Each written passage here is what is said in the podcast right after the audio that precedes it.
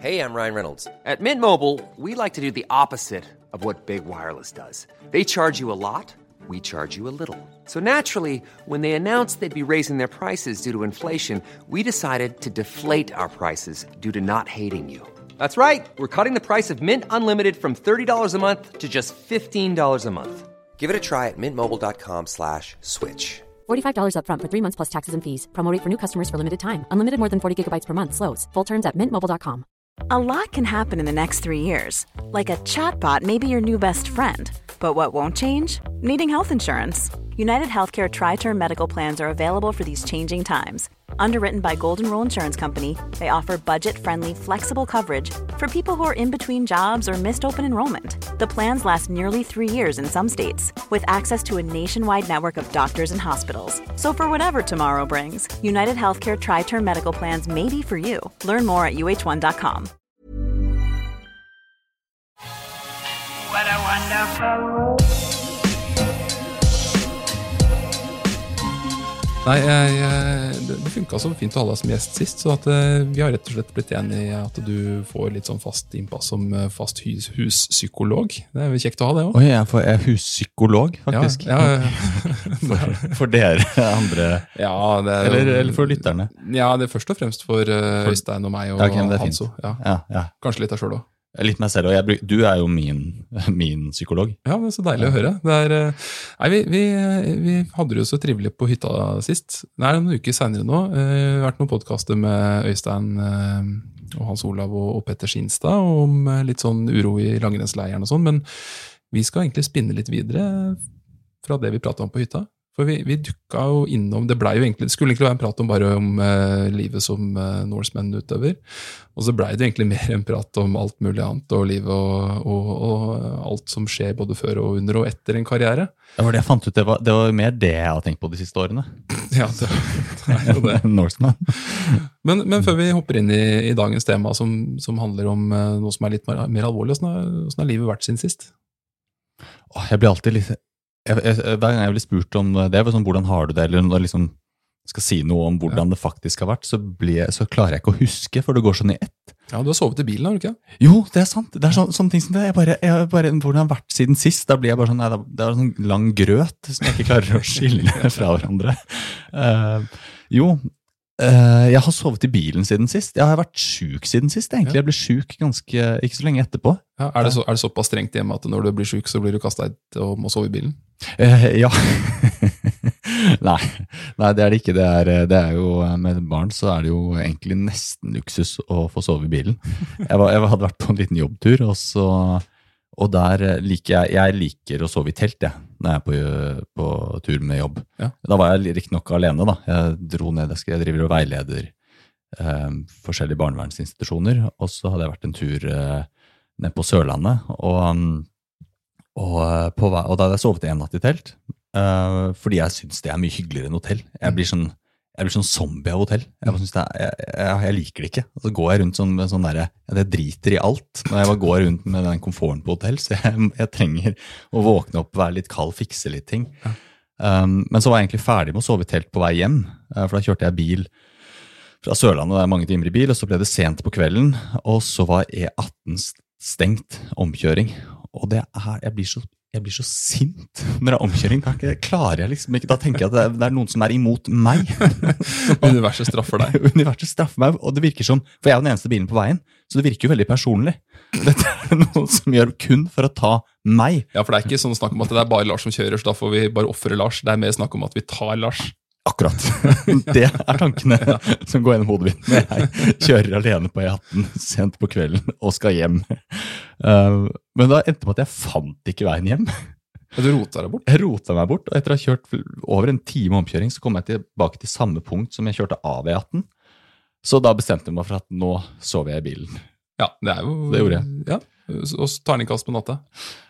Ah, Det som er, Jeg la meg på en pendlerparkering, så klokka fem Og da var, jeg var jo la meg litt sent, um, og sov ikke sånn veldig godt. Og klokka fem så er det jo fullt kjør på en pendlerparkering. Ja, det er klart det er det. Så jeg våkna klokka fem og sov ikke sånn veldig godt frem til det heller. Så Det var etter det jeg ble syk, da.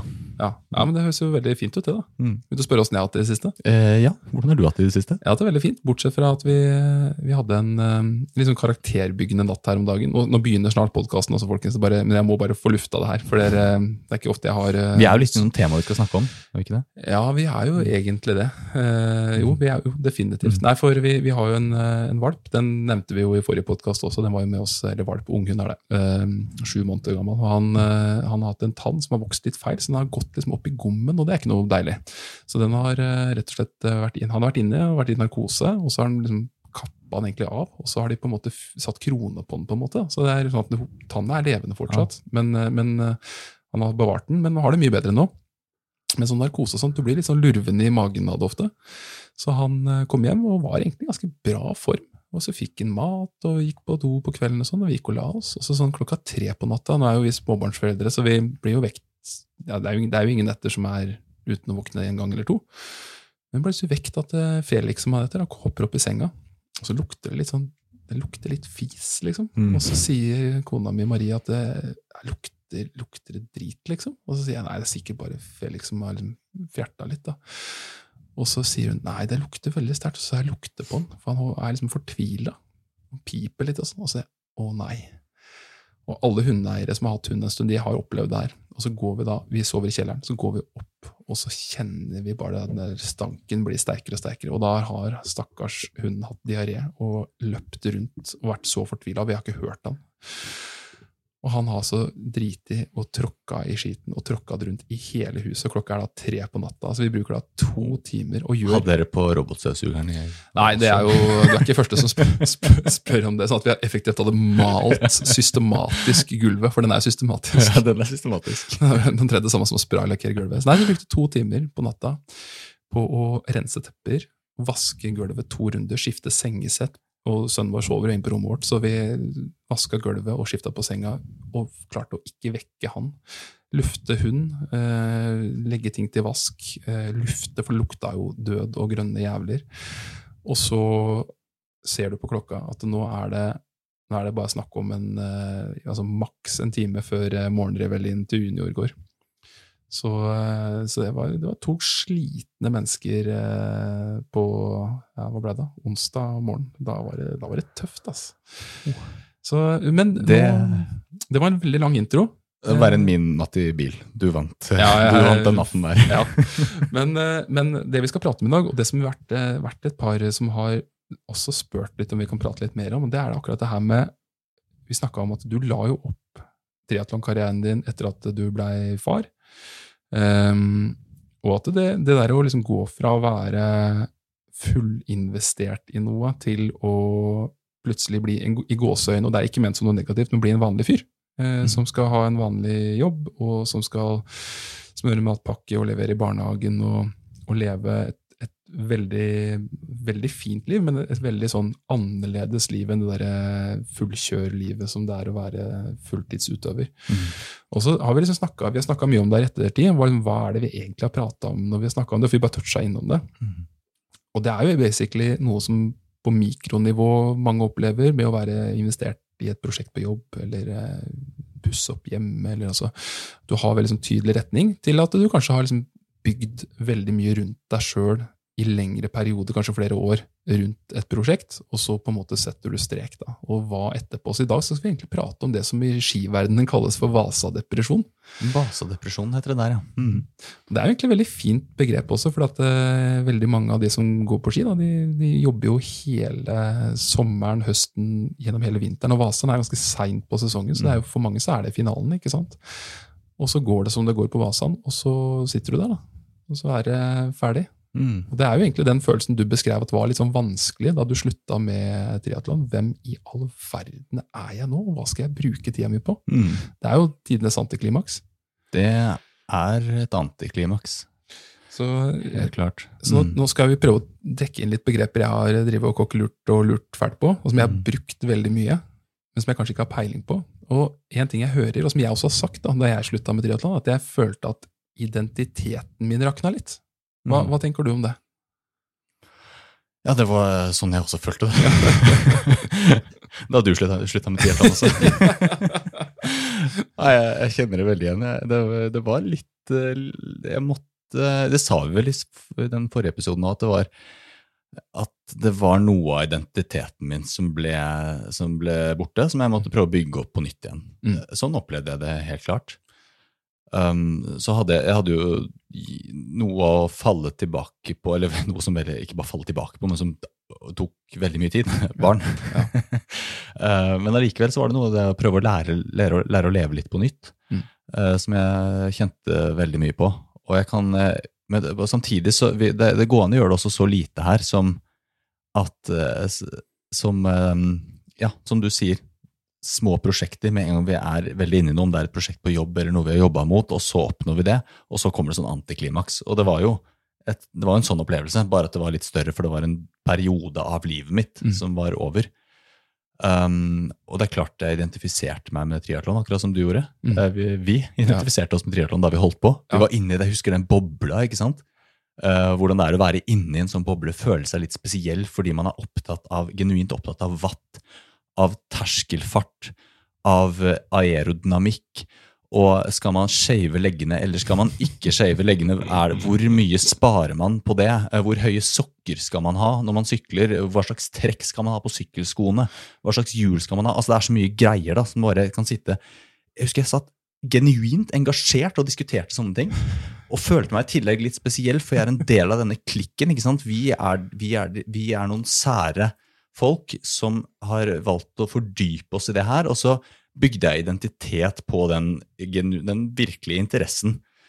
Um, det som er morsomt med å se det nå, når jeg ser liksom den klikken utenfra, og jeg ikke er en del av den lenger, er jo hvor homogene vi er i den klikken. ikke sant? Vi, vi, identitet handler jo om å på en måte finne et fellesskap. Vi er jo aldri helt alene i det. Mm.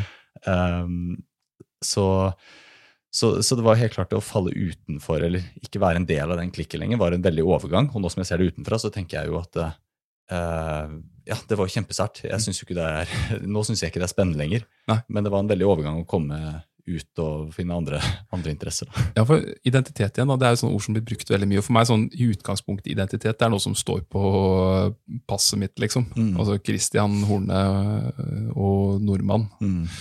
Eh, 1,89 høy og blond og blondt hår, liksom. Mm. Blå øyne. Nå har jeg jo gitt hele personalen min der. Mm. Men det er jo, det er jo liksom ytterste konsekvensidentitet. Men her er det snakk om at du på en måte Du skriver Lars Christian Wold, komma, triatlet. Lars Christian Wold, komma, idrettsutøver. Mm. Men identitet, altså er det, er det ord som også kastes ut der? Liksom selvbilde, selvfølelse, selvtillit. Du som er fagmann, altså hva, hva er egentlig skilnaden på der? Altså jeg, jeg bruker jo disse ordene veldig mye rundt omkring. liksom er Selvbildet mitt det har fått seg en ripe i flakken. Jeg har, altså Selvfølelsen min er knytta opp mot identiteten. Så veit jeg egentlig ikke helt hva jeg snakker om her. Kan du hjelpe å strukturere opp der litt? Grann? Oh, ja, jeg var redd du skulle stille det spørsmålet. det, det, det er litt sånn um, ironisk. Jeg tror ikke jeg er alene som uh, fagmann der. Og nå eh, at vi sliter jo alle med å, virkelig klare å definere alle disse begrepene, og så er det så glidende overganger at jeg tror ikke jeg er alene om å synes det er litt vanskelig.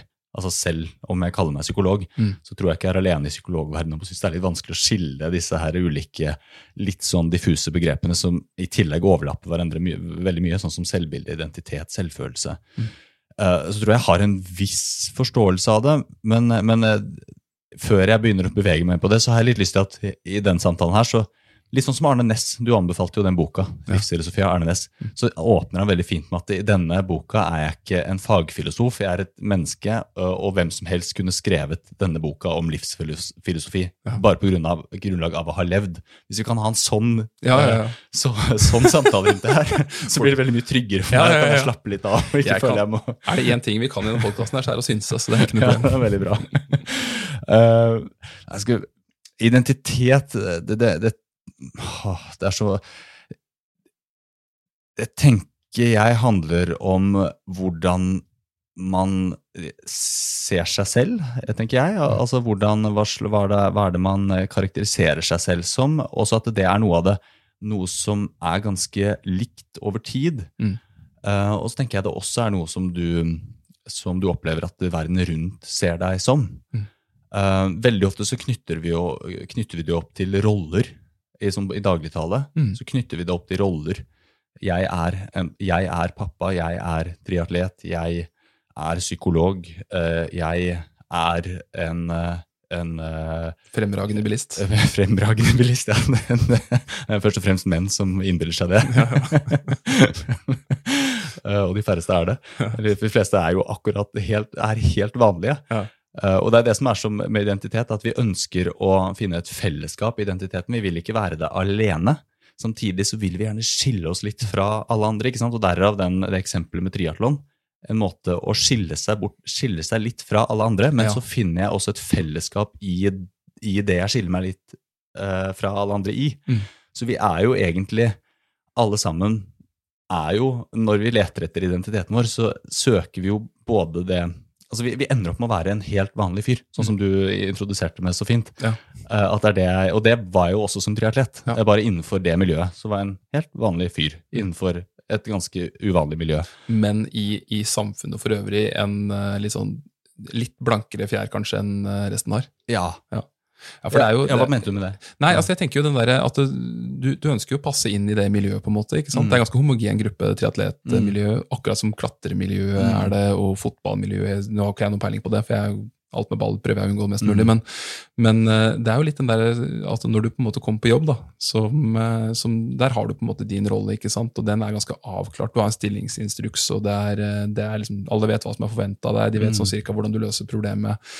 Mens du blir litt mer spennende, kanskje, hvis folk veit at du ved siden av jobb så er du eh, klatrer. da. Og Det er litt sånn mystisk, liksom. da. Så selv om du kanskje er litt sånn gråmus i det miljøet, så får du litt blankere fjær sammenligna med alle andre. da. Så du, du ønsker, som du sa i stad, du ønsker å skille deg litt ut fra, fra resten av flokken, på en måte, mm. men du ønsker jo også å liksom gjøre det på riktig måte. da. Ja. Og så finne et fellesskap i det man skiller seg ut i. da. Mm. Ja, akkurat. Så det er, mm. Og det tror jeg, jeg tror de fleste søker det. Eh, de fleste søker et eller annet som jeg kan være litt sånn ekstra interessert i. altså Noe som skiller meg litt ut fra alle de andre. Mm. Um, om det er, og det trenger jo ikke alltid å altså, Om det er å være veldig genuint, altså genuint opptatt av å lage mat, eller om det er uh, av uh, en type bøker, eller om det er, det er Men at man har noen interesser som skiller seg litt ut fra noe annet, det tror jeg er viktig for manges identitet. Um, er det da identiteten? Altså, jeg tenker det er en del av den. Ja. Men, eh, men det blir jo en veldig snever identitet hvis det er identiteten. Mm. Da har du ikke så mye Da blir du veldig skjørt hvis det plutselig Hvis eh, ja, du plutselig slutter med triatlon, eller, eller eh, du ikke kan lage mat lenger, eller ja, hva Ja. du nå bygger identiteten din på. Så jeg tenker det, det er nok en del av den. ja, altså Egenskaper og trekk det er liksom det er byggesteinene til identiteten. da. Altså hva, hva du er Mm, flink til. hva du Egenskaper, interesser, trekk. Ja, hva du Ja. bruker tiden din på. Ja. Ja. ja, men bra. Selvbilde. Selvbilde, Det er mye overlapp der, ikke sant? men jeg tenker det, det er hvordan du, altså hvordan du ser på deg selv. Hva du tenker om deg selv. Ja. Eh, jeg tenker at jeg er en, en uh, ganske disiplinert fyr, ganske vennlig, eh, til tider morsom, eh, til tider kunnskapsrik. Eh, men samtidig så tenker jeg også om meg selv at, det, at jeg veldig ofte ikke er disse tingene òg. Og det tror jeg er egentlig ganske sånn Og det er litt sånn overlapp i identiteten nå, tenker jeg. For jeg, jeg klarer ikke helt å skille de to. Men det å tenke på seg selv som noen At man, man, man har noen tanker om seg selv som man også har en del fleksibilitet rundt, tror jeg er veldig sunt da, innenfor både selvbilde og identitet, eh, hva når forskjellen er. Um, hvis ikke så blir det jo veldig skjørt den dagen du finner ut at uh, oi, jeg er en vennlig person, men akkurat nå så gjorde jeg noe jævla slemt mot han fyren der. Eh, jeg tuta eller viste fingeren i trafikken eller, eller skrek et eller annet stygt til henne jeg ble sint på i øyeblikket. Altså. Og så bryter det jeg bare jeg er en snill person, og nå var jeg ikke det. Eh, Så det å være litt sånn fleksibel i det, at eh, man er ikke alltid det man tenker om seg selv, Mm. det tror jeg også er en veldig sunn del av, av et godt selvbilde. Ja, Unntaken som bekrefter regelen. Ja. Men eh, tilbake igjen til, liksom, til den der overgangen da, mellom det å være idrettsutøver og så plutselig være et vanlig menneske. Eh, eller vanlig menneske igjen, altså være helt vanlig. Mm. Eh, nå, nå har jo du og jeg vært igjennom den der lille det her er jo veldig mildt, altså selvfølgelig, men en liten sånn eksistensiell krise med hvem er jeg nå? Eh, og så finner man jo ut at det, det er jo andre ting livet har å by på som, som er vel så bra, og kanskje veldig mye mer spennende også. Eh, og man finner nye interesser og sånn. Men har du noen sånne tips på liksom hvordan Si da at du har eh, hatt en jobb eh, som har vært masse ansvar i, og kanskje vært litt ekstra prestisje. Litt sånn at uh, onkel Peder, han, uh, når du er i familieselskaper, så er liksom, ja, han er jo mellomleder i en stor bedrift. Han vet, har masse ansvar og masse personalansvar. Han har så mye å gjøre. vet du. Det er liksom identiteten til, til onkel. Og så mister han jobben. Hva, er det noen liksom sånne er det noen sånn universelle råd på hvordan man på en måte kan opprettholde det ja, selvbildet eller identiteten? på en måte, altså sånn overfor seg selv, For da kommer kanskje det med selvfølelse også inn i bildet her? Ja, og vi kan gå litt inn på selvfølelse eh, senere. Um, Minn meg på det. Mm. Eh, for det tenker jeg, den er den jeg klarer i større grad å skille fra Mm. selvbilde og identitet. Men eh, ja, hvordan finne sånn tilbake til seg selv Ja, etter det? det, Ja, det? ja, sånn førstehjelps, uh, førstehjelpskit. da. Når du, ja, hvis du skulle miste jobben, Mm. uh, kanskje miste, ja, komme ut av et forhold, holdt jeg på å si. altså at uh, ting får en sånn brå vending. da. Eller så enkelt som at du er fulltidsutøver, og så får Mm. du en eller annen ja, utmattelsessyndrom, long covid. Mm. Du, knek, du får et komplisert beinbrudd. Du kan ikke fortsette å sykle. Eh, hvordan, over, altså hvordan, eh, hvordan er det man går til verks for å på en måte finne litt tilbake til seg sjøl, og, og ikke, ikke gå helt i svart? da? Ja. eh, jeg, jeg skal prøve å svare på det. Og så tror jeg det er veldig mange veier til å, å finne det. Men jeg tror det vi fleste trenger, er jo et eller annet som vi kan finne en eller annen form for mening i. Mm. Eh, så det å, det å gi opp på en måte, og tenke at det Å lande på at det var det, nå er det ikke mer jeg kan eh, finne glede i her i verden, eller, eller eh, gjøre, eller oppleve, eller oppnå. Mm. Um, det tenker jeg er en sikker måte å, å bli deprimert på. Mm. og um, det tror jeg man kan kjenne seg inn i. Det er litt sånn post, hva var det du kalte det, post-Vasan? Ja, Vasadepresjon. Vasadepresjon, ikke sant? Det, det er jo en sånn? Det, det, det er jo dette etter du har oppnådd et eller annet stort mål, og det ikke er lenger. Det er jo litt det samme å miste en jobb eller noe du har holdt på med lenge, eller slutte med triatlon, eller Mm. du, Det du har jobba mot så lenge, er der plutselig ikke lenger. Mm. Det du har hatt, det som har fylt dagene dine med mening, uh, bare ved å gjøre det, bare være i, i rutinene, det er der plutselig ikke lenger. Det er klart at det blir det jo et sånt vakuum. Jeg leste i, i, opp, eh, før denne episoden her, etter vår forrige samtale, faktisk, så ble jeg veldig opptatt av det her med mening. og Jeg, jeg, jeg leste, begynte jo på livsfilosofi, Arne som du anbefalte, og begynte på en annen bok også, eh, som jeg har fått anbefalt tidligere. A Man's Search for Meaning heter den veldig passende, ikke sant? av Viktor Frankel, som var en sånn eksistensiell psykolog som overlevde eh, holocaust. Var fire Wow. konsentrasjonsleirer, og utrolig fascinerende bok og utrolig fascinerende mann. Um, så jeg, jeg leste den, og nå, nå snakket jeg meg litt eh, hva var det begyn- Hvorfor begynte jeg å si det? Ja, litt den der eksistensielle førstehjelpen. da. Eh, Hvordan unngå, eller hvordan komme seg, eller hvordan finne mening, var det vel du kanskje begynte på. Ja. Sånn- Jo, riktig. Og han også, han sammenlignet faktisk det med å uh, Han kan kalle det eksistensielt vakuum. Var der jeg begynte. ikke sant? At det, det er i et vakuum, hvor du da kan oppleve et sånt eksistensielt vakuum. Det er ingenting å jobbe mot lenger. Eh, og han, sa, sa, sa- han skrev det at det var det mange som opplevde, kunne oppleve etter, etter å slippe ut av konsentrasjonsleir. Mm. Et eksistensielt vakuum. Du hadde jobbet med å tåle lidelse i lang En tid. dag til, en dag til. En dag til, en dag til, en time til ofte. Og så etter det så var det, du hadde sett for deg veldig masse ting, men så var det ikke noe, hva er det jeg skal Og så de ting du har sett for deg, møte den du er, barna dine, de du er glad i, de var der jo ikke ofte. Mm. Det var et sånt vakuum. Det jeg hadde sett for meg, det er her ikke. Hva nå? Mm. Eh, og så er det jo veldig skummelt å begynne å sammenligne det mest groteske som menneskeheten har opplevd, ved, eh, med, med mer hverdagslige ting som det å miste jobben. Men da jeg leste den boken, da, da han gjorde det, så tenker jeg da er det lov. Eh, for da han også sammenlignet det med et eksistensielt vakuum av å kunne miste jobben. Ja. At du har ikke lenger noe, en mening, en eller annen retning, Mm. noe som gir deg noe å jobbe mot. Um, og da uh, mente, skrev han også, det kan kjenne det veldig igjen, at da kan man kjenne på sant, en sånn ja, meningsløshet og mild depresjon, og kanskje til og med en sterk depresjon, at man bare kjenner at ah, hva, hva er poenget? Um, Jeg bare bryte inn nå også, det er, og det er, du modererte jo fint, altså, men det er, når vi snakker om eh, litt sånn eksistensiell krise etter å ha slutta med triatlon, så er det, det, er, det er milde greier der, altså. Sånn, er greier. Når vi snakker om uh, Asovic her og, og, og krig og Ja, er det- alt- alt- Men, men mekanismen er kanskje det samme? ja, for alt, alt eksisterer på en En skala. Alt. Altså, veldig mye Ja. eh, tenker jeg eksisterer på en skala. Ja. Eh, og dette er en av de tingene også, hvor du har den, den ekstreme, ekstreme varianten som de aller færreste slipper å oppleve. Og så har du den veldig milde varianten som slutter med en idrett du er veldig glad i. som også er et sted på denne skalaen, ikke sant? Men, men det her er jo Bare trekke det litt tilbake. Da, for at det, det her, Vi, vi snakka litt sammen i stad, og så dukka det opp eh, Du, du kom på et veldig sånn fint sitat. Nå, nå blir det her vi har, vi har ikke sitatet ordrett, men eh, vi prøver oss. Det er Schopenhauer som har sagt det, og det er at uh, livet er en slags svingdør mellom lidelse og kjedsomhet. Mhm. Og det her er jo egentlig akkurat det du snakker om nå. Fordi at eh, altså, han som satt i konsentrasjonsleir, og liksom målet ditt hele tiden er å overleve.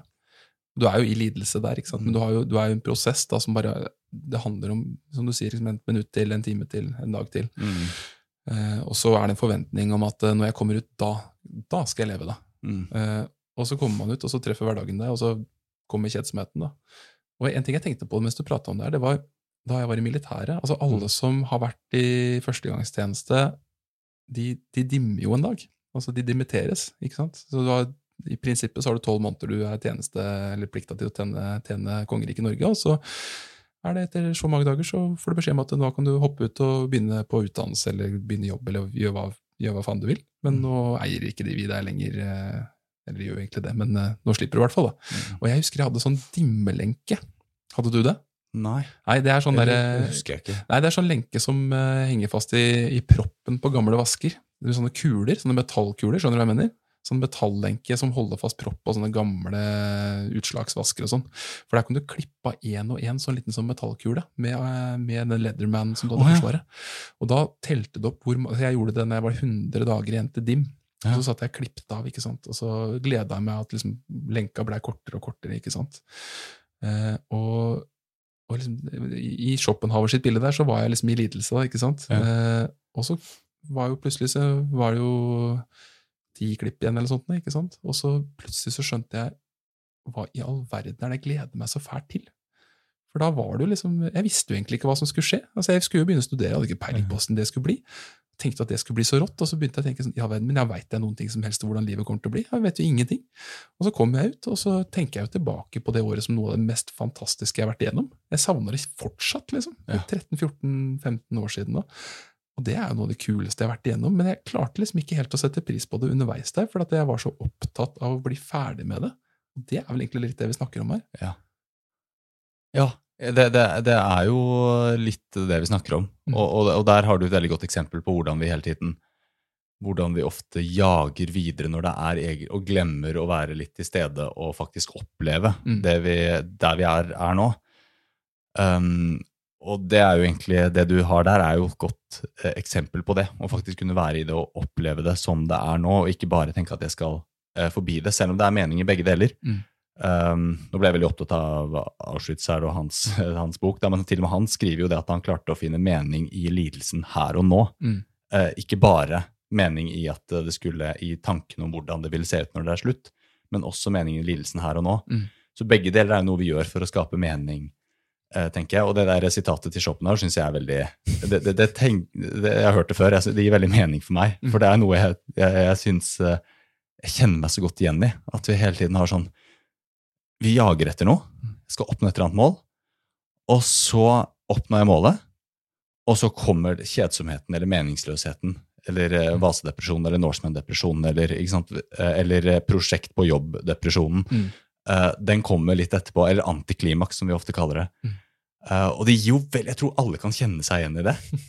uh, og så har jeg, jeg har, men Samtidig så er jeg jo da kanskje litt hvert fall ut fra det. Jeg tror Schopenhauer, han, jeg, kjenner jo, jeg har ikke lest voldsomt mye av Schopenhauer. Ingen, ingen primærlitteratur av Schopenhauer. Nei, faktisk. nå, nå sitter du flotter oss med et Ja, ja, ja, det er litt sånn, det kan bli pretensiøst der. Men øh, jo, hva var det jeg skulle si? Jo, jeg, jeg har blitt mer og mer opptatt av den andre delen som er, som du sier, da. Å klare å være til stede i øyeblikket. Spesielt etter, etter jeg fikk barn. Det har blitt klisjé ikke sant, å være til stede i øyeblikket. Alle snakker om det, men det er jo fordi det er så viktig. Det er derfor ting blir klisjé. Og spesielt med barn så snakker jo alle foreldre om det. Du må nyte det her og nå. Jeg fikk alltid høre da barna var små. Mm. I svarte, da. Hvordan skal jeg nyte å ikke få sove på nettene? og, så, og så ser jeg tilbake på det, og så ser jeg litt tilbake på det med nostalgi. Det er såpass nært fremdeles at jeg husker hvor vondt det er. Ja. Men, men det er litt sånn nostalgi, og det å klare å finne det meningsfulle i til og med det, da. Mm. Eh, Det er jo virkelig en kunst, og det tror jeg er veldig Det tror jeg er eh, Ja, jeg tror det er en viktig, viktig kunst. Ja, for jeg, apropos det også, jeg ser jo, jeg har jo, jeg jobber i en veldig stor og fin bedrift, og, og øh, der er det jo, det kule der er at vi er såpass mange at det er egentlig liksom, liksom speiling av samfunnet generelt. Vi er eh, 700 mennesker. Men det jeg ser at sant, en del av de kollegene jeg har, de har jo voksne barn nå som enten nylig eller ganske nylig har flytta ut. Mm. Og jeg ser at jeg, ser, jeg kjenner igjen veldig mye av måten de reagerer på nå som barna har flytta ut. Med litt sånn eh, som, eh, som jeg følte på på en måte når, når jeg liksom slutta med triatlon litt sånn brått, da. Eller ikke brått, men altså det, det ble bare sklei ut. Og så var det litt sånn eh, de har jo, Og det her er mye sterkere, selvfølgelig, men de har jo da identifisert seg med å være foreldre. Og har jo liksom Timekalenderen har vært stappfull i, for de fleste der i 17-18 Mm. år. ikke sant? De har kjørt på trening altså Først skifta bleier, og så har de vært i AU, hva det heter det? Sånn, ikke, AU, ikke AUF, men eh, FAU. Mm. Eh, og de har vært i 17. mai-komiteer, og de har kjørt på fotballtreninger og svømmetreninger, og de har løpt med lekser, og de har vaska klær. Ikke sant? Det liksom, de har vært til tjeneste for barna sine, ikke sant? og gjort det man ønsker å gjøre for barna sine, være til stede. Og så plutselig en dag så er det ikke behov for dem lenger, ikke sant? Eh, og da det er Ikke at det rakner, altså, men det er liksom sånn, blir, de blir veldig lei seg. Og så skjønner de plutselig, litt sånn som vi snakka om i stad, at det, det var ikke så gærent egentlig. Det var, skulle gjerne vært litt mer busy etterpå. Da. For den, all den der tida, og det er jo kanskje det som skjer når du pensjonerer deg òg. At eh, noen pensjonister er veldig flinke til å aktivisere seg sjøl og er frivillige og hjelper å måke snø i gata til naboen og liksom føler seg verdifulle. Og så er det noen som det var, det var ikke så kult å ha fri hele tida, liksom. da. Nei. Så, Og det er ikke det, vet du. Så det å, det å finne et eller annet å bruke tida si på, ja. eh, om det er eh, veldedighet, frivillig, frivillighet altså Det er jo nok å ta av. Um, det, det tenker jeg det, det, det, det unner jeg alle å ha. ja, for det, bare liksom sånn, Apropos det der for, eksistensielle førstehjelpen, da. Mm. Ja, for det var litt sånn for å svare på det spørsmålet Ja. du egentlig stilte. Ja, eh, ja. for fem minutter siden. Bruke tida si på. Ja, for det er jo, det er jo litt den derre altså, Ofte Vi snakka om det her, liksom, hva, hva er det identiteten egentlig er, og det at det liksom blant annet baseres på noen egenskaper du har, da, Mm. som du har tilegna deg gjennom noe. Om det er karate, eller om det er eh, triatlon, eller om det er eh, at du er flink på jobb, liksom. da. Mm. Så har du jo sannsynligvis fått det bildet av deg sjøl fordi at du har noen egenskaper som er positive. Og, og en ting jeg liksom har tenkt på, er jo at eh, de tingene som har gjort at man har blitt sånn passe god i noe, Mm. er jo Og det her har jo Øystein snakka masse om, og, liksom, eh, og det er mange som er flinke på det her og inspirerer folk til å liksom bli en god utgave av seg sjøl. Kanskje litt av førstehjelpen her er å prøve å liksom finne ut hva er det egentlig som gjorde at det her var gøy. Hva er det egentlig som gjorde at jeg lykkes med det? Og så prøve å kanalisere det inn i noe positivt. da. Triatlon, for eksempel.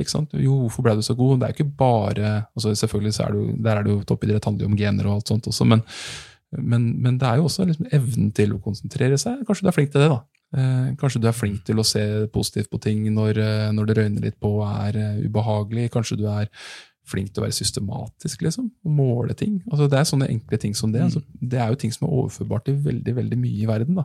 Så jeg, jeg har jo tenkt litt tilbake på For jeg føler jo at livet mitt fikk mye mer sånn eh, Vi snakka litt om det her at jeg, jeg er jo ikke noe sånn som er veldig god på å gjøre mange ting. Eller én ting, men jeg er god på å gjøre mange ting. Eller sånn litt god på mange ting. Mm. Og det er kanskje det som er litt sånn bra, da, at når jeg fikk mye mer tid til å ikke bade og sykle og løpe hele tida, så fikk jeg jo tid til å gjøre andre ting. Men veldig mye av de tinga som jeg på en måte har kost meg veldig med siden 2016, da, det er jo ting jeg bruker på en måte mye av de samme egenskapene til det, og det gjelder vel deg også i stor grad. Mm. At når du på en måte du kanaliserer det bare inn i noe annet, og det kan jo være trenger ikke å være idrett i det hele tatt. Det kan være en hobby, eller det kan være barna dine, Mm. eller jobben din, for den saks skyld. Jeg kjenner veldig igjen i jobben også, at jeg Noen dager er jeg veldig intenst interessert i treskruer. Eh, og liksom hvordan de lages, hvilke egenskaper de har, hvilke kunder som skal ha de ulike, hvorfor det er en uh, lur ting. Og så jeg merker altså, Hadde du spurt meg for fire år siden om at eh, tror du du kunne satt deg litt inn i treskruer, da hadde jeg sagt at det er for faen en skru er jo en skru, liksom. Er det så forpult interessert? Men Ja. Du er i den eh, bobla. Ja, nå jeg, men nå er jeg kjempe inne i det, ikke sant? og bruker masse tid. Så jeg ser at det en del av de egenskapene som gjorde at jeg identifiserte med å være triatlet, de kom jo nå til syne i, i å sette meg inn i, inn i tyske treskruer. Ja. Og det, Ja, Det er litt kult at du sier det. for du, du, Jeg husker da vi snakket om det sist, så kom jeg med et sitat som jeg fant ut etterpå var helt feil. Eh, og Det var uh, at jeg hadde lest på Karl Johan. Da er det sånne sitater Ja. hvor, det, hvor jeg hadde lest. da. Jeg leste jeg det tydeligvis sånn som jeg ville lese det uh, den gang jeg leste det. At Da sto det, ifølge meg, det du gjør, gjør fullt og helt, ikke stykkevis og delt. Altså ikke sånn som du driver med, med å holde på med masse forskjellige ting. Gå all in for Norseman, og kun det. det var min forståelse, ikke sant? Og så viser det seg at det sitatet er, det er jo ikke sånn det er i det hele tatt. Det er den du er, og det er et Ibsen-sitat, fant, fant jeg ut etterpå. Ja, ja. Eh, den du er, vær fullt og helt, helt ikke stykkevis og delt. Ja. Um, og Ja, det er, jo, ja, for det er jo helt i mer retning av det du egentlig driver med. Ja, ja, ja. Altså, De egenskapene du har i én ting, bruk de i andre ting også. Sånn kan man jo tolke det, da. Eh, eh, ikke å, å- Ja, å gå, gå virkelig Ei det, da. Ja. Ei det.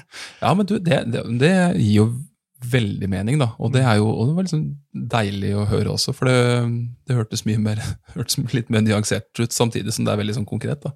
Ja. For det er jo, Det er jo et hyggeligere sitat, egentlig. Men det her, apropos Arne Næss, nå ligger den boka for du skal tydeligvis levere den tilbake til meg, da. Nå som du er på besøk. I dag så sitter Nei, vi hjemme. nei, det skal jeg ikke. På ingen måte. Å, nei, det skal ikke det? Er ikke ferdig nei, nei, jeg tok den bare for å vise at jeg holder på.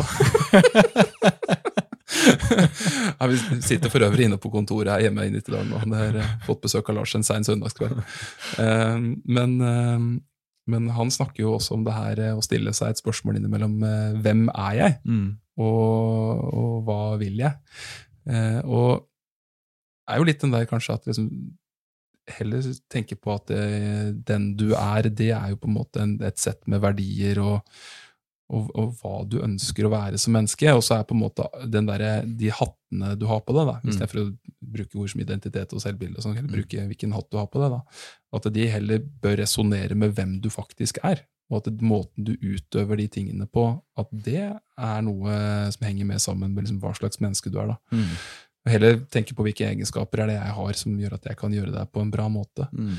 For jeg føler liksom, jeg, jeg, jo, jeg jobber jo i en salgsbedrift. Mm. Og der er det veldig mye snakk om skal du satse på store kunder, mange små kunder, en blanding. Det blir litt sånn som aksjefond og aksjer. ikke sant? At eh, ja, du kan tjene jævlig mye penger på å bette på én aksje som er veldig billig, og som kanskje kan bli kjempe, kjempe, kjempedyr, ikke sant? og gå hundregangen. Men de fleste de nyter jo godt av å sette penga sine i liksom breie, billige indeksfond som dekker et stort, trygt, lite svingende område. Mm -hmm. og jeg føler at altså, så, I salg så er det ikke sant, det er, har, mist, har du to store kunder, altså mister du én, så er det jo fucked. ikke sant? Mhm. Men hvis du har mange små kunder, og så mister du ti av de, da, så Mhm. gjør ikke det så mye, for du har liksom 340 til. da. Uh, og litt sånn føler jeg kanskje også liksom, at hvis du på en måte investerer veldig mye av deg sjøl i noe du ønsker å være, da. Bare for å få litt sånn som vi om i sted, litt blankere fjær på jobb, da, Mhm. være en påfugl som stikker seg ut litt ekstra, ikke sant?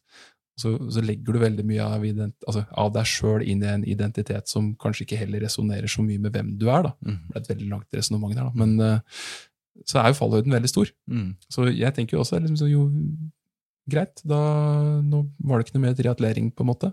Men uh, det skal jeg tåle greit, fordi at det, grunnen til at jeg drev med det, det er jo at jeg takla det fint, og det kan jeg, egenskapene kan jeg bruke på noe helt annet også. Mm. Og jeg har flere interesser. Ja.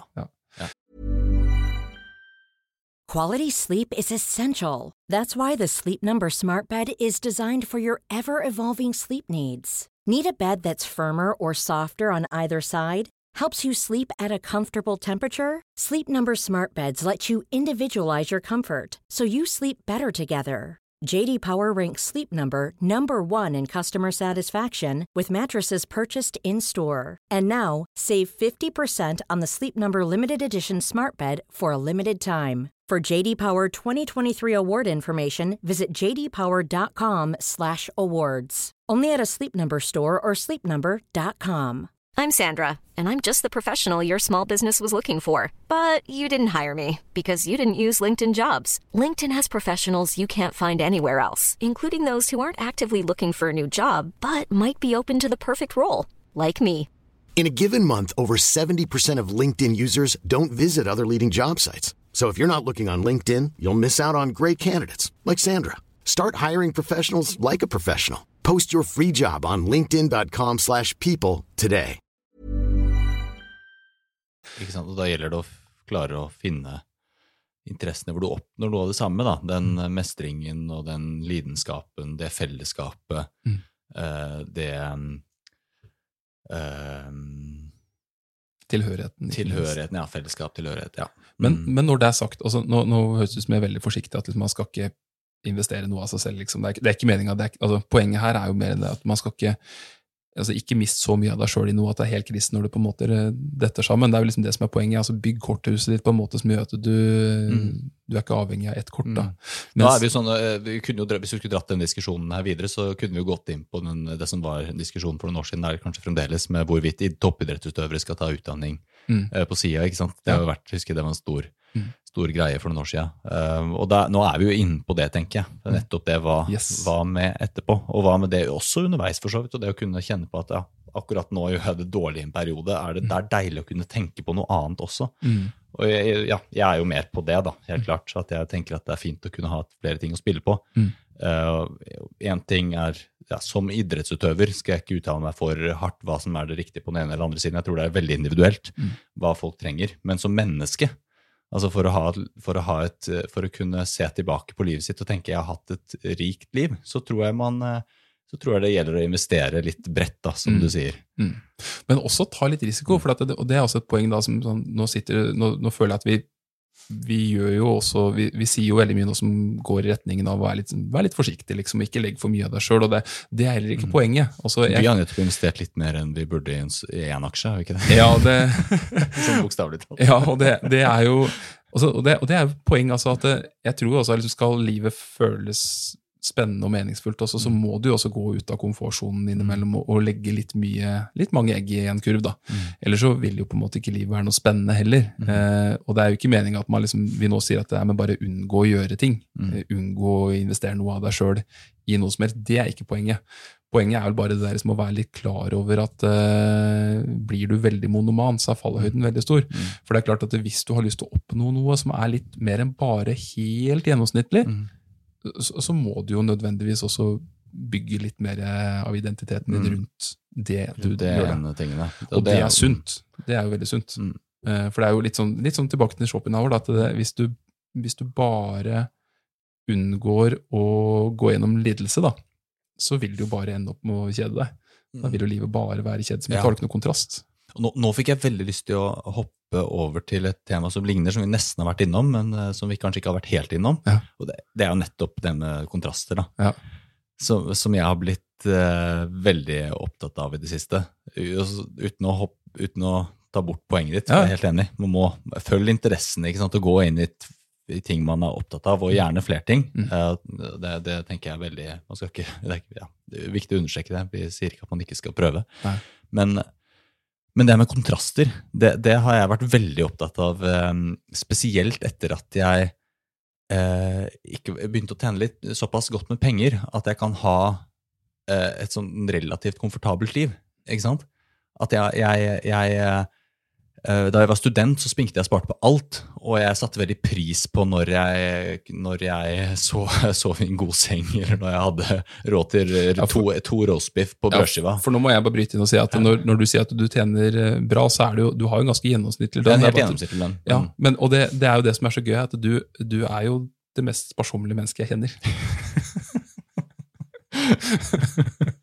Men fortsett. fortsett. Men det er også litt fordi jeg, jeg, jeg, blir, jeg merker for mye komfort. Ja. Da ender jeg, da ender jeg på kjedsomhet. Da. Mm. Uh, og det var litt som jeg introduserte episoden med òg. Hotell. Ja. Altså, det går greit litt.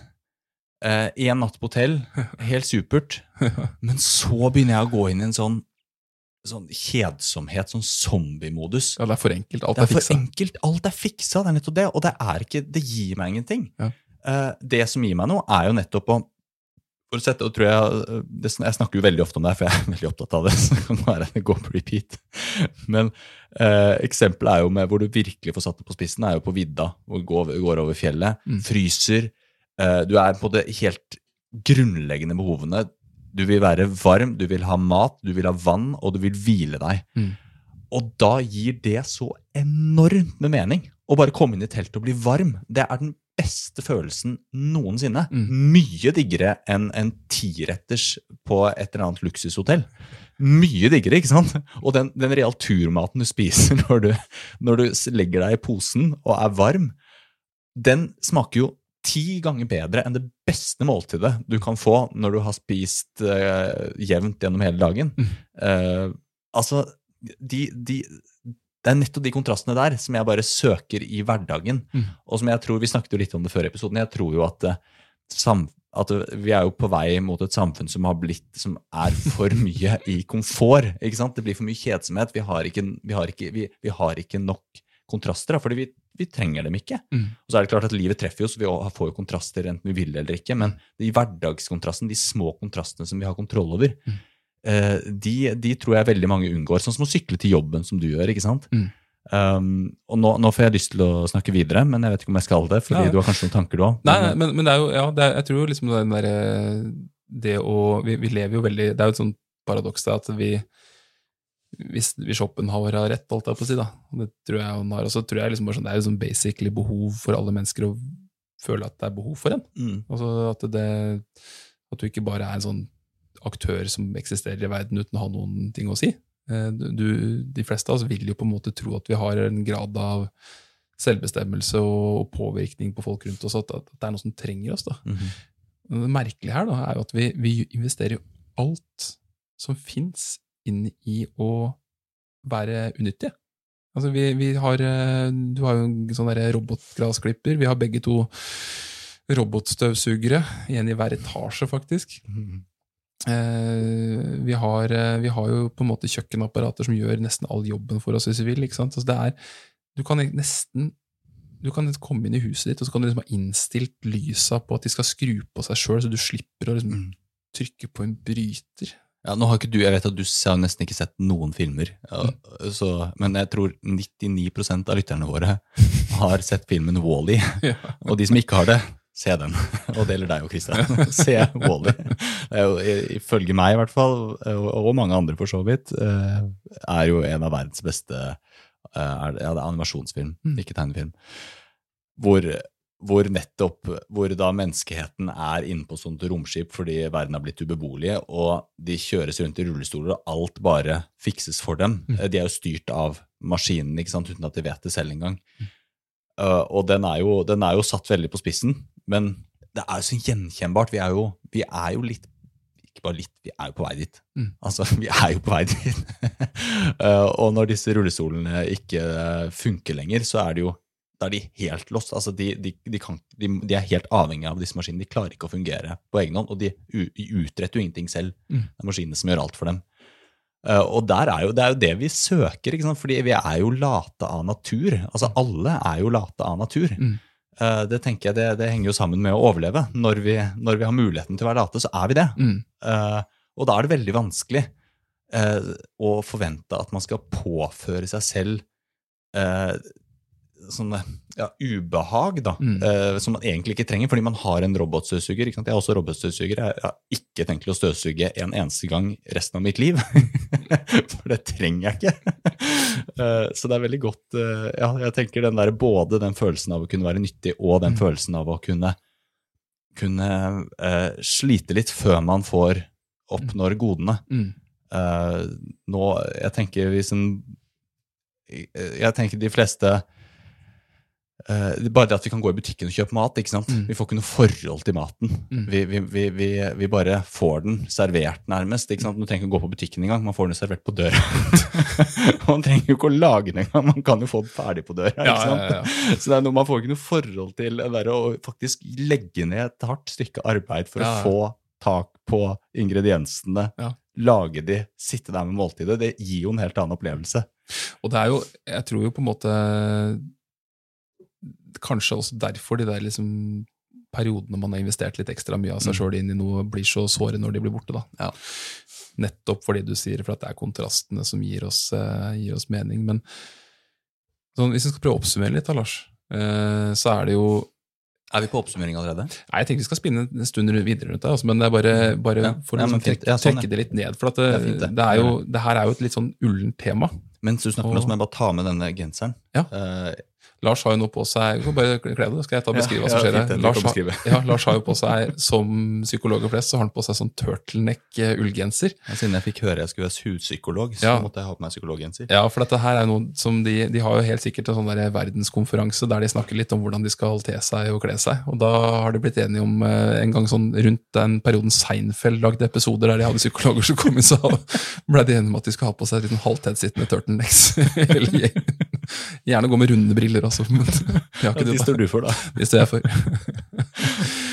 Men um, prøve å liksom trekke det litt ned igjen. da. Altså, det er jo liksom, Livet er så komfortabelt, men også så uniformt. og De fleste har en jobb de går på 8 til 4. Eh, og hvis du har liksom vært toppidrettsutøver aleine, så er det jo er det jo, da veit du jo sannsynligvis også at du lever et veldig spesielt liv. ikke sant? Så det er jo kanskje litt det derre frykten nummer én, frykten for uh, hvem er jeg nå, fordi du har knytta veldig mye opp mot, mot den, eh, den personen du tror du er, holdt jeg på å si. Mm. Men også litt den derre at nå blir du som alle andre. Du mista liksom de blanke fjæra dine litt. Men uh, hvis en skal liksom komme med et råd, da Nå har vi jo snakka veldig mye om det og snakka om mye bra. og det er jo eh, Du sa akkurat det her med at mennesker er jo liksom programmert til å søke komfort. Og, og det som kanskje er liksom vanskelig når du har gjort noe over tid da, som har vært utfordrende, og du kanskje, du har kanskje ikke satt pris på det sjøl engang. fordi at det, jeg husker de åra som jeg trente hardest mot eh, konkurranser, så, så var jeg kan ikke si at jeg var så veldig lykkelig underveis. Jeg tenkte veldig mye på å herregud, jeg gleder meg til det blir ferdig, for da skal jeg, da skal jeg kose meg. da. Mm. Og så kom den der Vasa-depresjonen, ikke sant. Mm. Men det er jo helt naturlig at du på en måte blir liksom tiltaksløs også. For at du, du, det, er ikke, det er jo ikke sunt for et menneske å ha, ha ubehag. ikke sant? Sånn at når du på en måte får den der lille vasadepresjonen, da, så husk også eller, nummer én hvilke egenskaper er det jeg har som, kan jeg, som jeg kan bruke til noe annet. Og da snakker vi om vasadepresjonen mer generelt. Ja, Vasa, ikke ja, ja, ikke sant. Ja. Det gjelder jo alt om det er et prosjekt på jobben. Ja. eh, At du, Antiklimaks. Antiklimaks. Og du har blitt pensjonist, Mm. og kanskje ikke var klar for det. Eh, altså antiklimakset, da. Mm. Finn hvilke egenskaper du har hatt som har gjort at du har lykkes i det du har vært, og så prøv å liksom bruke det på noe nytt. Og så nummer to, den derre latskapen som fort kan komme, den er helt naturlig, og den føler alle på. Det er jo derfor vi overlever, ikke sant. Eh, Hvis det er en tiger i nabolaget, så, så er det liksom, det er tryggere å bare holde seg inne og håpe at tigeren ikke kommer og tar deg, ikke sant? istedenfor å komme seg ut og ta livet av den, da. Som på langen er det lureste. Så det er jo liksom den derre ta deg sjøl litt i nakkeskinnet, og så prøv å finne noe annet du kan eh, være flink i. For hvis du har, og det er jo helt oppriktig, har du vært flink til å gjøre noe, eller trenger ikke å være flink til heller, men bare liksom har gjort noe veldig mye, så, så er det jo faen, du klarer å få til noe annet også, liksom. Det er, mm. Du må bare prøve å finne en kanal og, og gjøre det. Og det, det her har jeg en ting som jeg bare dette hadde jeg en veileder på NIH mm. på idrettshøyskolen som sa til meg, og det, det er jævlig godt sagt. For jeg husker at jeg lurte veldig på hva jeg skulle skrive master om. Hadde ikke en ringeste anelse. Og så husker jeg at Dag Vidar Hanstad han så litt sånn alvorlig på meg og sa vet du hva, det er ikke så fryktelig farlig hva du skriver om. For at uansett hva du skriver om, når du bruker så mye tid på å sette deg inn i det, så blir alt interessant. Og jeg mener alt. Og det er et kjempegodt poeng. For det er, og det stemmer apropos at jeg er veldig into treskruer om dagen. Mm. Og det mener jeg. Alt er interessant Ja. når du setter deg inn i det. Ja, det er sant, altså. Det, det kan jeg kjenne meg inn i. Jeg, jeg må legge til det du sier der. Mm. For nå vi snakker vi om veldig det å oppnå noe, og det å bruke sant, prestasjoner, og at, eh, og at man finner alltid noe man er flink til. Sa- Samtidig så tenker jeg det er jo også noe i det, eh, som vi allerede har sagt, men det å klare å, å eh, nyte veien til målet. Mm. Og det innebærer jo nettopp å klare å sette pris på ubehaget også. Mm. Ikke bare oppturene. Selvfølgelig, det, det er jo lettere å sette pris på når man mestrer noe og alt det, alt det gøye med å jobbe mot et mål. Mm. Men ubehaget også tenker jeg er noe å sette pris på. Mm. At det er, det er Det gir noe, det, å klare å mestre ubehag. Og det, snakker, ja, det, det, det er jo mange som kan kjenne seg igjen i det, tror jeg. Så, så prøv å ja, Vær til stede. være til stede i det også, Tenk at det også har en, eh, ja, har en betydning.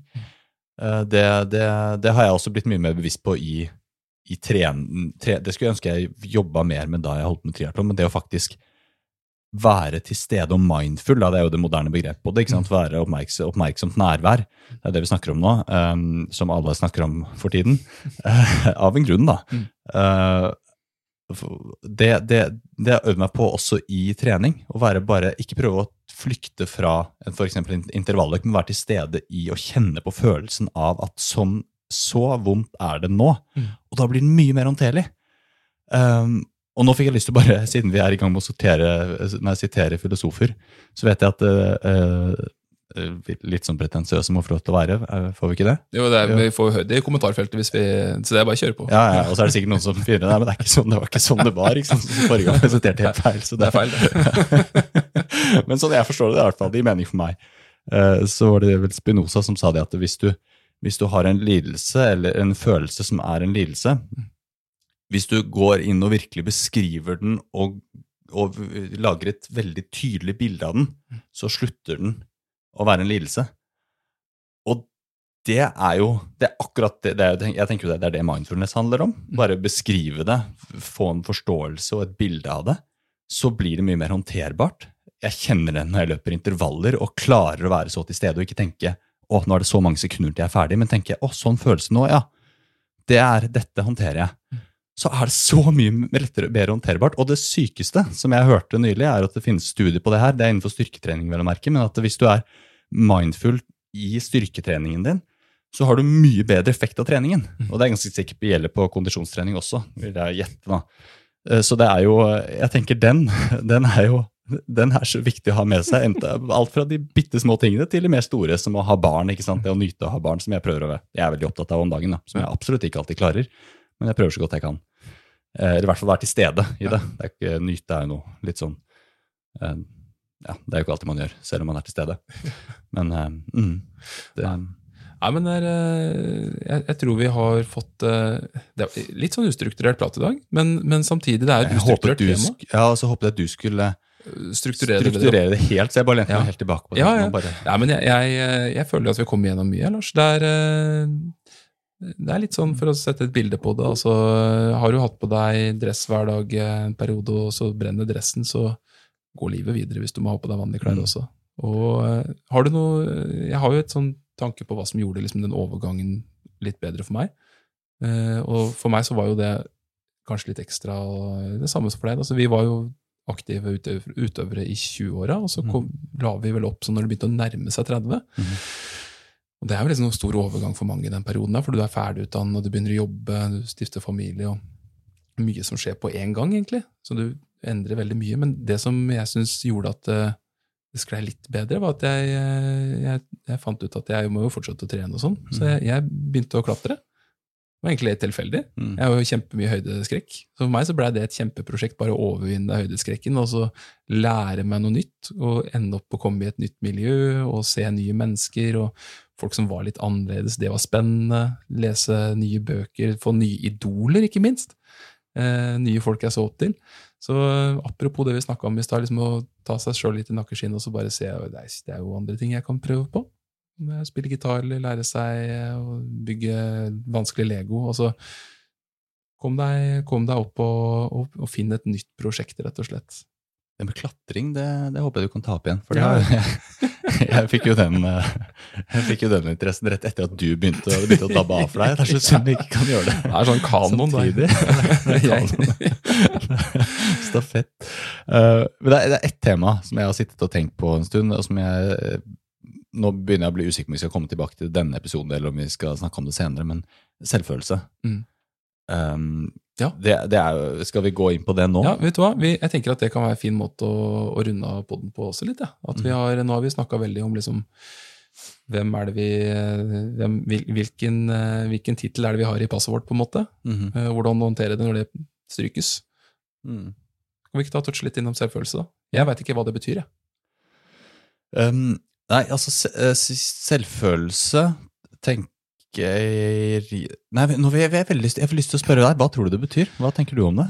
For nå Så slipper jeg å liksom komme med en fasit her, så er det det vi definerer det som. Også. Er det så enkelt som at man liksom har det bra med seg sjøl? Ja. du har sånn positiv Altså liksom du tenker på, altså, tenker på deg sjøl, og så tenker du ja, jeg er litt av en fyr. Nei, det tenker jeg er mer selvbilde. Okay. Det er mer hvordan du tenker om deg selv. Ja. Eller det, Men jeg tenker å ha det bra med seg selv, det tenker jeg er mer, mer mot selvfølelse. Så er det jo klart overlapper der, da. ikke sant? Det påvirker hverandre. Men, men um, Er det som 'jeg er god nok'-type? Er, det god- er det selvfølelse? Uh, Ja, kanskje litt, men også litt selvbilde. Nå skal jeg, jeg skal prøve å forklare det. Jeg tenker Det er mye mer, det er, mye mer. Det er, der, det er der vi alle blir forvirra, ikke sant? Men det, jeg tenker det er mye med å ha det bra med seg selv. Det er hvordan man, det og hvordan man, man føler uh, Jeg tenker det handler mye om hvordan man føler om seg selv. Uh, altså hvordan man Um, I hvilken grad man er i kontakt med følelsene, følelsene sine og kjenner seg selv og forstår sine egne behov. Eh, og klarer å tåle følelsene sine. eh, og klare å altså Både de gode og de negative. Det, du, har ikke, du får ikke god selvfølelse av å tenke at jeg skal være glad hele tiden. For da går du på en smell hver gang du ikke er glad. Eh, og så blir du kanskje enda mer, så og, så, og så bryter det med selvbildet ditt, fordi du tenker om deg selv at du skal være glad hele tiden, og, føl, og kan mestre bare følelsen glad. Um, som jeg tror er veldig vanskelig i praksis. Eh, så det er det å være, å bli kjent med alle følelsene sine. Det er å ha en god selvfølelse. Um, og da klarer man Det er jo veld, egentlig veldig mye det For jeg tror du kan egentlig veldig mye om det. For jeg, da jeg begynte å lese den boken av Varnenes, eh, livsfilosofi, så er det jo veldig mye det han snakker om. Det å klare å eh, å, mm, å eh, kjenne etter i følelsene sine i så stor grad at man klarer å være, la de være veivisere for en. Mm. Da tenker jeg, da har man god selvfølelse. Og det vil også påvirke det sosiale livet. Du blir bedre til å lese andre mennesker. Um, det er jo skrevet, Nå kommer jeg ikke på hva han heter, han, um, han som uh, fant opp begrepet EQ. Det er blitt et veldig sånn uh, populært begrep. Jeg har lest den boka for noen år siden, men jeg husker ikke hva han heter. Ja, det er em alle- emosjonell intelligens. Emosjonell intelligens, ikke sant? Ja. som alle, ofte folk kaller sosial intelligens. Ja. Men det er jo fordi det er veldig overlapp der. Ja. For Er du godt kjent med dine egne følelser, så vil du også forstå bedre andres følelser, og det vil være lettere å bygge sosiale bånd. Mm. Uh, og du vil rett og slett Det er veldig gode korrelasjoner mellom det og hvor bra du har det. da. Mm. Så det er jo til syvende og sist hvordan man har det med seg selv. Har du god selvfølelse, så har du det bedre med deg selv Mm. og med de rundt deg. Hvordan påvirkes uh, det å gjennomgå en stor livsendring Uh, altså, Hvordan henger det sammen med hva, hva er linken mellom selvbilde og selvfølelse, da, tenker du? Jeg tenker Da kan jo noen få et lite knekk i selvbildet, men har du en god selvfølelse, den, den vil jeg tenke er ofte mer stabil. Den kan jo, den vil også svinge, den. Vi har vanskeligere å forstå følelsene sine og skjønne hvor de kommer fra, og de, alt det man går igjennom Mm. i, en, i en liten livskrise, liten eller stor. Um, men jeg vil tenke man, man håndterer den bedre hvis man har en god selvfølelse. Hvordan kan du jobbe med det? Altså, er det noen måte du kan gjøre deg selv mer robust? Um, Hvordan kan du få en, hvordan kan du få en uh, mangel av Det høres litt banalt ut, da, men jeg er en banal fyr. Men hvordan, hvordan, uh, hvordan kan du få bedre selvfølelse? Uh, ok, skal vi se. Det er eh, Jeg tenker det er flere ting man kan gjøre. Kanskje, kanskje det viktigste, vil jeg tenke, er eh, å ha f at hvis du har folk rundt deg Mm. som er gode på å forstå eh, følelsene dine Altså hvis jeg, sant, jeg, forklarer, hvis jeg forklarer deg noe når jeg har uh, um, for eksempel en, eh, en uh, slitsom natt med barna, da. Mm. Uh, eller når du forteller meg det med hunden. Ja. Uh, det, det, er en enkel, det er veldig enkelt å leve seg inn i. Men, men at, får, at du da får en forståelse av meg for Oi, ja, det, var, det hørtes kjipt ut. Og, så, eh, og da, det må ha vært frustrerende. Og så kanskje så er vi litt i den følelsen sammen. Mm. Eh, da, gjennom mange, mange, mange, mange sånne interaksjoner, Mm. så bygger vi jo vår egen selvfølelse. Det gjør vi jo helt fra vi er bitte små barn. ikke sant? Eh, det er derfor det er så veldig mye fokus nå om dagen på det å være eh, det å være emosjonelt inntonet på barnet og klare å hjelpe dem å sette ord på følelsene sine. Det er nettopp for å kunne bygge selvfølelsen, for det er gjennom, gjennom andre at du klarer å bygge opp din, din egen eh, selvfølelse. I hvert fall fra du er liten. I, som voksen så har vi jo flere måter å gjøre det på, tenker jeg. Men det, hvis jeg skal plukke ut én, så tenker jeg det er den viktigste. Ja. De du har rundt deg, at de klarer å tone seg inn på hvordan det er å være deg. Mm. Ha riktig, altså ha, høres jo litt sånn eh, banalt ut, men ha bra folk rundt deg, rett og slett, da, som bekrefter deg og, og, Ja, og det er det en god venn er. Jeg tenker, Har du Ja. en god venn, så er det jo nettopp det. De fleste gode venner, når du merker et sånn nært vennskapsbånd, da merker du nettopp det, at her er det en connection. Han skjønner meg, Mm, eller hun skjønner meg. mm. Eh, Desto, desto og det bygger selvfølelse. Ja, ja. Men det er jo eh, desto vanskeligere da, hvis du liksom har investert eh, alle eggene i en kurv, holdt jeg på å si, med å være si, dritflink på jobb, da. Og så har du brukt så mye tid at du har ingen venner egentlig utenfor annet enn kollegaer, og de er jo kollegaene dine, men de er ikke vennene dine når du er ferdig på jobb, da. Mm. Og så mister du jobben da. Da er du ganske Altså, den er tøff. Den er tøff. Den er veldig tøff. Da er det kanskje desto viktigere å finne en hobby eller komme seg videre på hesten. da. Det er jo Hvis du ikke har, eh, ikke har det der liksom pill, altså den grunnmuren da, som, eh, som et, eh, et godt nettverk kan gi deg for å håndtere noe sånt. da. Ja, altså, uten folk rundt deg, så da, da, da rakner alle åndvær. Ja, Da rives det fra hverandre limingen. Ja, da, det, det gjør det. Ja. Nei, og det er jo Det er jo tenker jo liksom sånn på hva som eh, gjør at det ikke er så farlig med disse her eh, liksom små Og igjen, da, små krisene man får når man, er, eh, når man har gått gjennom noen endringer i livet, så, så er det ofte det som gjør det lettere, er jo, det er jo kjæresten eller kona eller vennene som kanskje liksom gir deg nok trøst i en periode, og så tar de og distraherer deg litt, rister litt med nøkkelknippet, og så får deg til å titte litt videre. og har du sett denne skinneleken her? Den er veldig fin. Har du prøvd den? Klatring etter den. ikke sant? Og så, så var det ikke så gærent allikevel. Ja, ja, Du sier noe viktig der. altså Det er ikke? Det er ikke bare det å, å, å, å, å, å drukne i Man kan jo også drukne i, i vonde følelser og elendighet. Mm. Eh, Så det er jo, ja, forstå og være litt i det, men også riste litt med nøkkelknippet eller, eller dra med ut på klatring. Det er jo nettopp det å komme videre også. Ja. Eh, Men i den rekkefølgen Ja. hørte vi, vi hørte jo nettopp nylig en fin podkast. Ja, shout-out til, uh, shout-out til alle, egentlig alle podkaster som har Jon Reichelt på besøk. Ja, det var veldig gøy. Fr- Fryktløs etter denne Jon Hammersmark. Det er Norges mest populære podkast, vi trenger vel kanskje ikke noe mer Ja, shout-out. men. Ja. ja, men uh, utrolig flink fyr. Han er jo kort innpå, han er jo eh, tidligere offiser i Forsvarets spesialkommando, og så er han jo nå i dag kjent for å være på Kompani Lauritzen. Ja. Men han har en veldig fin podkast, og den, den intervjueren da Jon Reichelt. Kan du, for, du kan jo fortelle litt kort om hva, det, hva på en måte som gjør at den er vits i å høre på, da. Men uh, fantastisk episode. Ja, eller i hvert fall det, det jeg eh, tenkte på nå, uh, var jo den her eh, Men nå husker jeg ikke sitatet. Slapp av å ta deg sammen. Ja, ja. jeg skjønte sensen i det. Uh, Men første, første gang Den er jo ganske provoserende når du bare hører det. Ja. Men det er egentlig det vi er inne på nå. Slapp av, som er den derre få den trøsten, den tålmodigheten, den anerkjennelsen, forståelsen Mm. uh, som man trenger. Mm. Eh, og så gå videre, Mm. som er da eksempel latter. Altså, så flytter fokus utover igjen. Mm.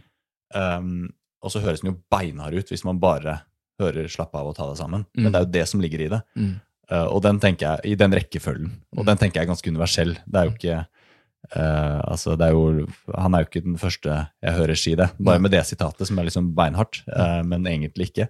Nei, for det var vel sånn resitering av det gode gamle fra krigen i, i, i Storbritannia. Keep Ja. calm and carry on. Ja.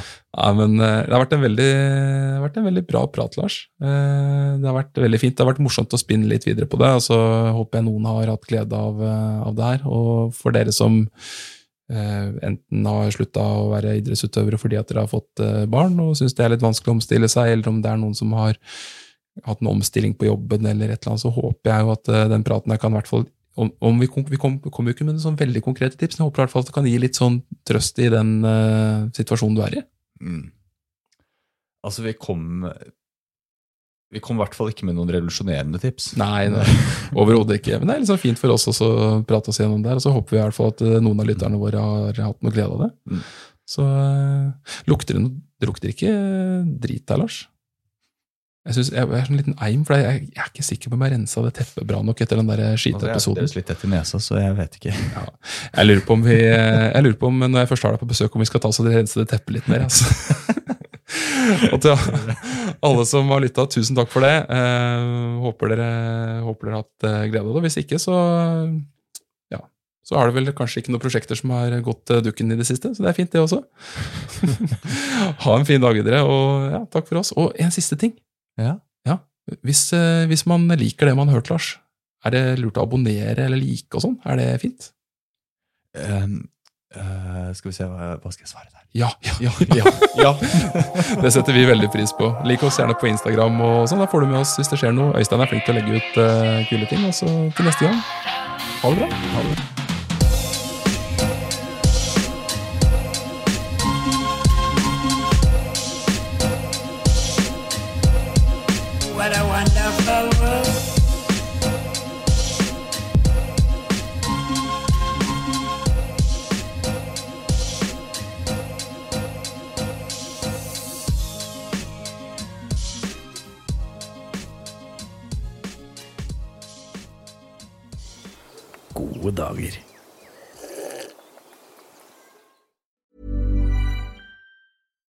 When we're on a budget, we still deserve nice things.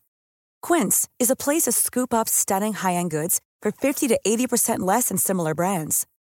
They have buttery soft cashmere sweaters starting at $50, luxurious Italian leather bags, and so much more. Plus, Quince only works with factories that use safe, ethical, and responsible manufacturing. Get the high-end goods you'll love without the high price tag with Quince. Go to quince.com slash style for free shipping and 365-day returns. Imagine the softest sheets you've ever felt. Now imagine them getting even softer over time. That's what you'll feel with Bowl and Branch's organic cotton sheets. In a recent customer survey, 96% replied that Bowl and Branch sheets get softer with every wash. Start getting your best night's sleep in these sheets that get softer and softer for years to come. Try their sheets with a 30-night guarantee. Plus, get 15% off your first order at bowlandbranch.com. Code BUTTERY. Exclusions apply. See site for details.